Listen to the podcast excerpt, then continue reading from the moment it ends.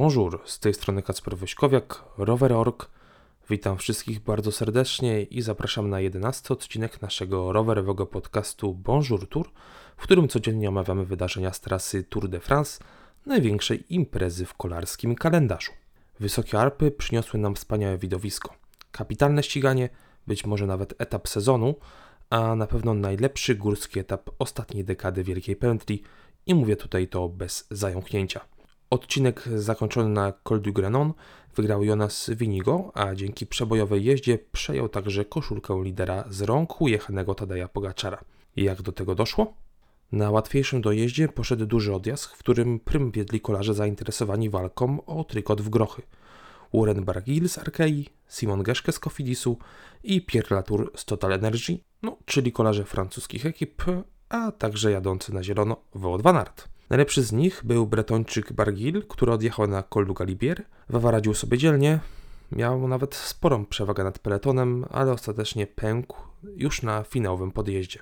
No, w ramach pocieszenia dostał czerwony numer dla najbardziej walecznego kolarza na etapie, no, a także jest dosyć wysoko w walce o koszulkę w grochy i myślę, że może stanowić naprawdę spore zagrożenie dla Simona Geszke, obecnego lidera tej klasyfikacji a w grupie faworytów działo się w tym czasie naprawdę, naprawdę dużo. Nie będę tutaj wymieniał wszystkich akcji, odsyłam Was do naszej relacji, e, rowerowej relacji, którą oczywiście umieściłem w opisie tego filmu, jeśli chcecie poznać dokładnie wszystkie szczegóły, e, ale warto, warto tutaj przede wszystkim powiedzieć o taktyce Jumbo-Visma, która okazała się naprawdę bardzo, bardzo skuteczna. Już na Koldu Telegraf atakował Primoz Roglic, no i został wykorzystany w kapitalny sposób. Y, na jego wszystkie zrywy reagował Tadej Pogaczar, a gdzieś tam z tyłu przyklejony był cały czas Jonas Winigo.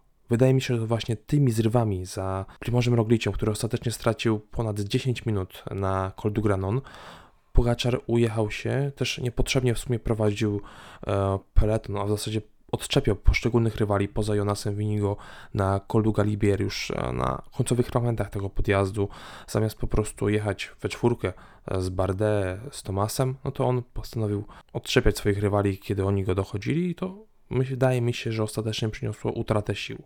Jumbo jechało bardzo dobrze, wykorzystało swoją przewagę liczebną.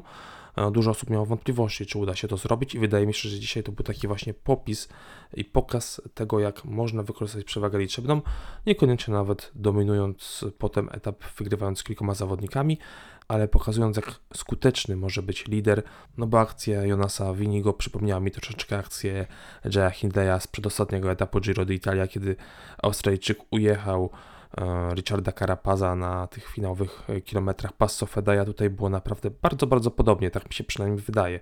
E, Pogaczar wyglądał dosyć dobrze, trzymał się wysoko, miał Rafała Majka, ale ostatecznie nie zareagował w żaden sposób na zryw swojego największego rywala, a ten wyrobił sobie naprawdę dużą, dużą przewagę w klasyfikacji generalnej, choć wiadomo, że to jest oczywiście inny etap wyścigu, jeszcze jest sporo do przejechania, jeszcze są Pireneje, jeszcze jest alpejski etap, jeszcze są te etapy przelotowe, gdzie zawsze jakiś kryzys, jakieś zdarzenie losowe może się przytrafić, ale mam nadzieję, że dalej będziemy oglądać tak kapitalną walkę, bo ten Tour de France po prostu ogląda się bardzo, bardzo przyjemnie. To był wielki moment Jonasa Winigo, który jeszcze w 2017 roku pracował w magazynie rybnym. Piękna historia i wspaniały moment dla Duńczyków, którzy mogą wreszcie święcić sukcesy na bardzo, bardzo wysokim poziomie.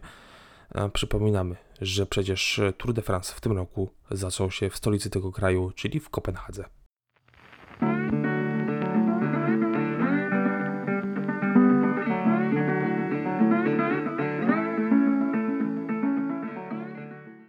Warto na chwilę spojrzeć na generalkę. Od drugiego do siódmego miejsca mamy prawdziwy ścisk. W minucie mieści się aż sześciu kolarzy i to sześciu bardzo, bardzo klasowych kolarzy. Roman Bardet, Tadej Pogaczar, Grant Thomas, Nairo Quintana, Adam Yates i David Godu. Każdy z nich ma naprawdę potężne szanse na zdobycie upragnionego podium wyścigu. No wiadomo, że w przypadku Pogaczara czy Tomasa to podium może nie ma aż takiego znaczenia, ale pozostali na pewno chętnie na nie spoglądają i będą e, za wszelką cenę o nie walczyć. O, dzisiaj ze świetnej strony pokazał się Gudu, e, który osłaniany przez Valentina Maduasa i Michaela Sztorera bardzo, bardzo umiejętnie minimalizował straty i ostatecznie przyjechał na piątej pozycji pokazując, że niestraszne są mu te największe podjazdy, a do tej pory myślałem, że to jest jego największa pięta achillesowa i że na takim właśnie długim podjeździe jak Col du Galibiere, czy na tak stromym jak Col du Granon, po prostu w którymś momencie pęknie. On mimo że odpadł dosyć szybko od czołówki, pokazał się naprawdę z dobrej strony. Teraz zamyka tą grupę zawodników walczących o podium, ale na pewno w tekście całego wyścigu może być bardzo groźny, choć wiadomo, że u niego najsłabszym punktem jest czasówka, a wyścig przecież kończy na przykład na 20 etapie mamy oczywiście czasówkę, czyli takie zakończenie tych walki o generalkę będzie na czasówce. Więc Godu musi po prostu ruszyć do przodu.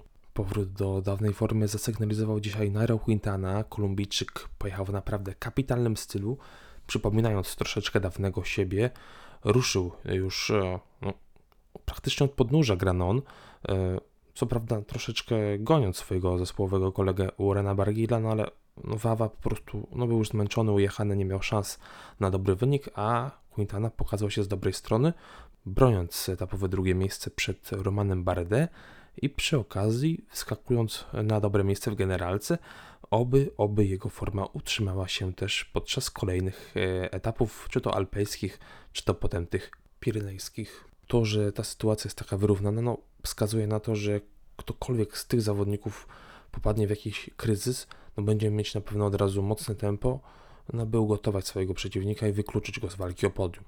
Potem w generalce mamy dwa takie wolne elektrony zawodników minimalizujących straty, czyli Aleksandra Własowa oraz Aleksja Łucenkę. E, którzy walczą o Mistrzostwo Europy Wschodniej.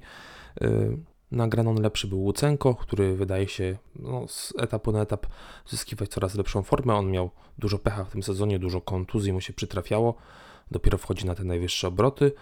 Natomiast Wasow, no, mimo tych kraks i kontuzji, radzi sobie na razie całkiem ok. Dziesiątka zamyka Enric Mas. Zaskoczenie in minus, zdecydowanie in minus w tym wyścigu, ale ja przewidywałem, że Mas nie będzie wysoko w generalce i tutaj się mogę pochwalić. Natomiast chyba ostatnim zawodnikiem tak realnie walczącym o dziesiątkę jest Tom Pitcock. Potem mamy już e, grupę pomocników jak Steven Kreisweig, e, Valentin Madua czy Primoz Roglic. Gdzieś tam z tyłu kręcą się jeszcze Bobby Ungers e, i Luis Menties, którzy po prostu na ambicji próbują złapać się e, na dobrym miejscu w generalce, bo to dla nich byłby naprawdę bardzo, bardzo dobry wynik.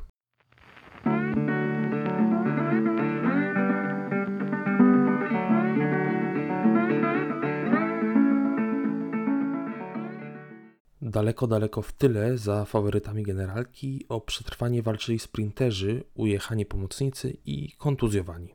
Limit czasu, jak to zazwyczaj bywa w naturze, nie był łaskawy dla kolarzy, no ale ostatecznie nikt go nie przekroczył. Na szarym końcu przyjechał zwycięzca drugiego etapu Fabio Jakobsen, jadący w asyście Michaela Morkowa. Minutę wcześniej metę przeciął niemal cały skład Lotto Sudal, opiekujący się Calebem Ewenem. W czwartek kolejny sprawdzian zminimalizowania i ograniczenia strat w Gruppetto będzie jeszcze trudniej, ponieważ etap zacznie się od wspinaczki na przełęcz Galibier. Jeśli po niej tempo nie spadnie, a peleton nie połączy się w jedną masę, no to podmęczone nogi na pewno zapieką.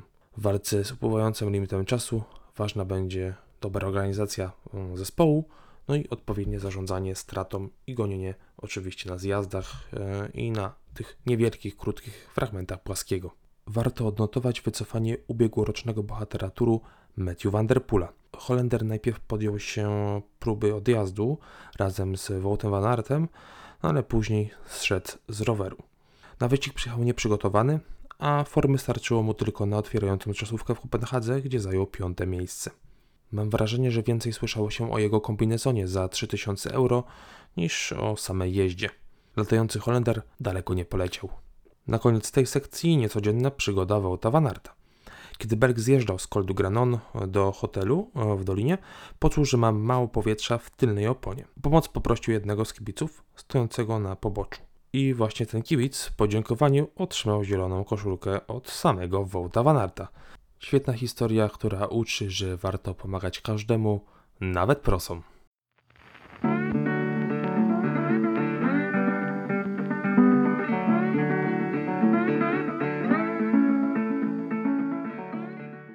Tle możecie oglądać serpentyny malowniczego podjazdu La Sette de Montvernier, który gościł na trasie 11 etapu, ale my we fragmencie skupimy się na innej wspinaczce naznaczonej zakrętami, dokładniej 21 zakrętami. Mowa oczywiście o Alpe d'Huez. Prawie 14 km o średnim nachyleniu 8,1% pamięta wiele ciekawych i przełomowych historii w kolarstwie. Tutaj wygrywali Fausto Coppi, Jeb czy Lance Armstrong, obecnie znany podcaster, a kiedyś chyba, chyba był kolarzem.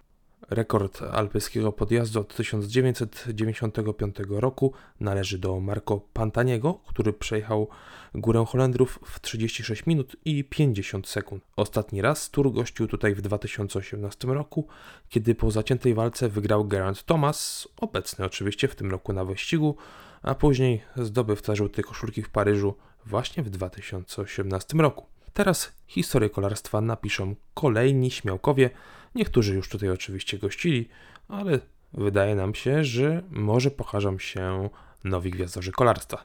Tym akcentem dziękuję za uwagę. Mówił dla Was Kacper Wośkowiak, Rower.org.